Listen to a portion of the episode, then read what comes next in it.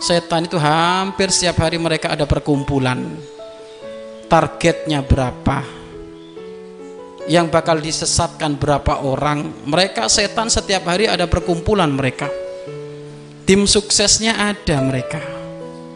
Tim evaluasinya ada.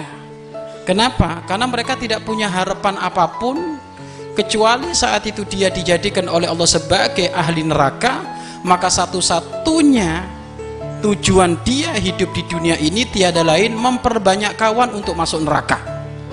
Makanya mereka semangat sekali untuk mengevaluasi. Bagaimana kamu? Hei setan yang bagian pedagang sudah berapa pedagang yang sudah kamu cemplungkan ke neraka?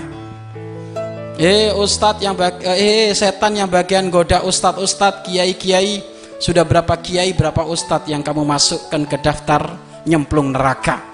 Itu selalu setan seperti itu berevaluasi.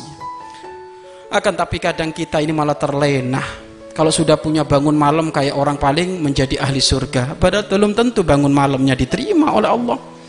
Kalau sudah punya infak sedekah kayak sudah paling menjadi ahli surga. Belum tentu.